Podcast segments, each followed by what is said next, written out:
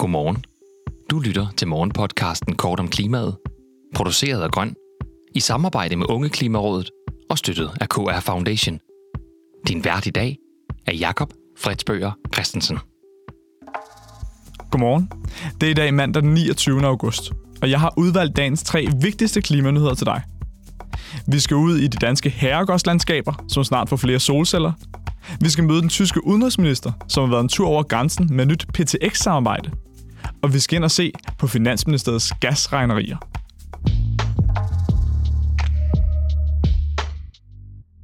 I segmentet på forsiden starter vi i dag i første sektion af Jyllandsposten. Til efteråret vil regeringen fremsætte forslag til en ny planlov, og der bliver allerede nu løftet sløret for, hvordan deres udkast ser ud. For første gang blev det indskrevet i planlovens formål, at loven skal medvirke til at værne om klimaet og forebygge udledningen af drivhusgasser. Konkret bliver herregårdslandskaber og godslandskaber ikke længere fredet imod opstillingen af solceller og vindmøller. Og sagsbehandlingen for opsætningen af nye grønne energikilder gøres kortere, ved at planklagenævnet nu kun skal forholde sig til de quote-unquote væsentlige forhold i en eventuel klage. Målsætningen er, at areal på størrelse med Mols bliver udlagt til solceller og vindmøller inden 2030. Det skal bidrage til at opfylde den politiske målsætning om en firedobling af den danske vedvarende energiproduktion på land. Indrigs- og boligminister Christian Rabia Madsen forudser allerede nu utilfredshed med forslaget til ny planlov. Han siger, Jeg kan godt forstå, at man i nogle tyndt befolkede egne siger nej, hvis man kan se, at andre ikke skal bidrage. Men det er ikke umuligt at rejse mere vedvarende energi omkring København eller i Nordsjælland. Og der er ingen, der er fredet. Udover de planlagte ændringer af planloven, har regeringen bedt de danske kommuner om inden 1. oktober at komme med deres bud på, hvor nye solceller og vindmøller kan placeres. Derefter vil ministeren udpege 10-15 statslige energiparker, som kommer til at fylde 11.000 hektar og skal skaffe omkring 30-40 procent af den udbygning, der er brug for.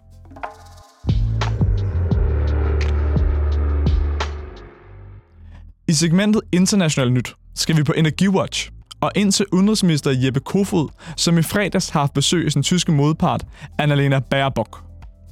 De to landes repræsentanter underskrev en aftale, som betyder, at der i fremtiden skal helt nye produkter over den dansk-tyske grænse. Konkret vil Tyskland købe dansk brint, flydende grønne brændsler, som skal transporteres i lange rørledninger sydpå. Modsat vil Tyskland af med CO2, som de vil forsøge at fange fra skorstenen ved landets tunge industri. CO2'en skal sendes over grænsen nordpå, og så skal vi i Danmark stå for at pumpe den ned i Nordsøens undergrund. Det er altså ikke kun i Danmark, at politikerne drømmer om Power to X, hvor strøm bruges til eksempelvis at danne brint som et flydende brændsel, eller carbon capture storage, hvor underjordiske lager skal fyldes med CO2.